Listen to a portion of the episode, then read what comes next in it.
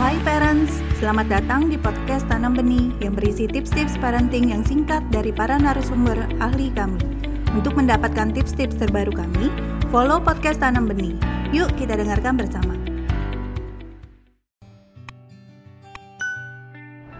Bagaimana jika anak ternyata stres dengan kondisi PJJ? Apakah orang tua lantas menjadi longgar? Apakah orang tua lantas memaklumi saja kondisi anak? Kalau orang tua memaklumi saja, orang tua menjadi longgar, apakah nanti malah anak takutnya malah jadi menurun motivasi dan tanggung jawab belajarnya? Itu kan menjadi kekhawatiran orang tua. Perlu diketahui dulu ya. Tanggung jawab itu kan artinya anak melakukan apa yang harus dilakukan hingga selesai sesuai aturan pengerjaan. Itu artinya dia bertanggung jawab. Kemudian motivasi belajar artinya anak mau untuk berusaha, berusaha dari tidak tahu jadi tahu, dari tidak bisa jadi bisa. Namanya dia punya motivasi belajar, dia mau belajar. Nah, dengan orang tua sedikit longgar selama PJJ, bagaimana caranya supaya tanggung jawab belajar ini dan motivasi belajar ini tidak mati dalam tanda kutip begitu ya. Caranya adalah menetapkan target minimum untuk mata pelajaran-mata pelajaran yang memang dirasa orang tua dan anak itu sulit. Jadi kita mainnya di target gitu ya. Karena di kondisi tidak ideal, kondisi PJJ ini kan tidak ideal, memang membuat stres baik bagi orang tua dan anak.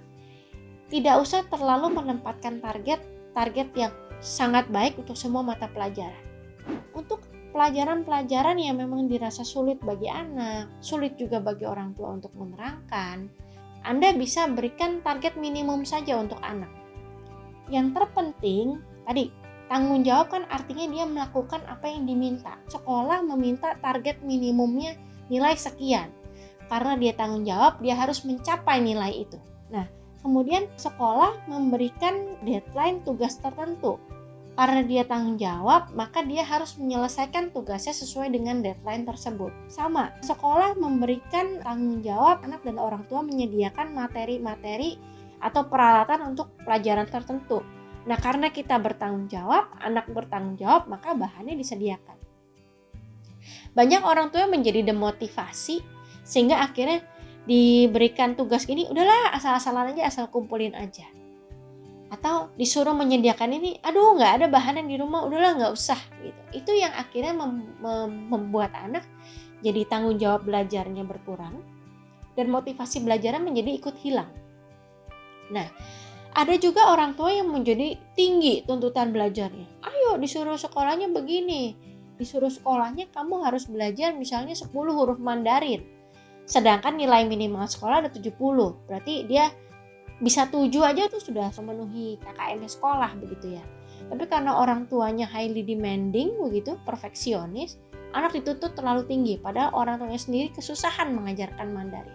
Akhirnya tuh menjadi stresor. Nah jadi target ini yang harus dimainkan supaya anak tetap mau punya tanggung jawab belajar dan mau punya motivasi belajar tidak merasa tertekan. Nah, tapi tidak dalam semua pelajaran lantas menjadi kita target minimum aja deh. Ya dimintanya 70 ya sudah 70 aja. Itu hanya berlaku untuk memang tugas-tugas yang dirasa sulit. Karena kan anak tidak bisa didampingi guru yang mendampingi orang tua. Itu target minimum. Tapi tetap orang tua dan anak sebaiknya memilih minimal satu mata pelajaran dan satu ekskul atau salah satu deh mau mata pelajaran saja atau ekskul saja ya pilih salah satu yang memang anak minati anak sukai dan anak mampu dan anda juga mampu untuk membantu anak mengembangkan diri di mata pelajaran atau bidang ekskul tersebut. Nah, bidang yang dipilih ini harus Anda dan anak kembangkan sampai dia melampaui target yang diminta. Contoh misalnya begini, anak suka pelajaran matematika. Anda pun merasa Anda mampu untuk mendampingi anak belajar matematika. Dia pilih itu sebagai mata pelajaran yang dia minati begitu. Nah, ketika saat itu di sekolah misalnya pelajaran tentang bangun ruang, mengukur luas dan lain sebagainya.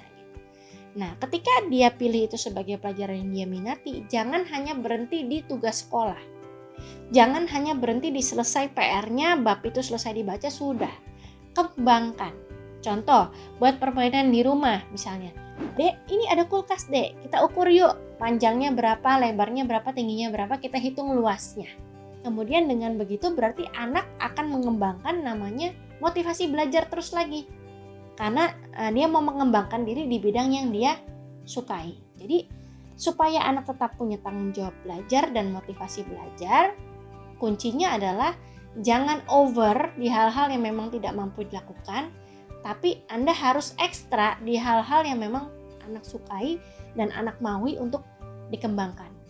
Plus Anda harus tetap mengikuti kebijakan sekolah target minimal harus Anda penuhi supaya anak tetap punya yang namanya tanggung jawab. Karena tanggung jawab tadi artinya adalah dia melakukan yang harus dilakukan sesuai dengan aturan pengerjaan dari sekolah. Terima kasih telah mendengarkan podcast Tanam Benih. Jangan lupa follow podcast Tanam Benih. Tidak pernah ada kata terlambat loh untuk belajar.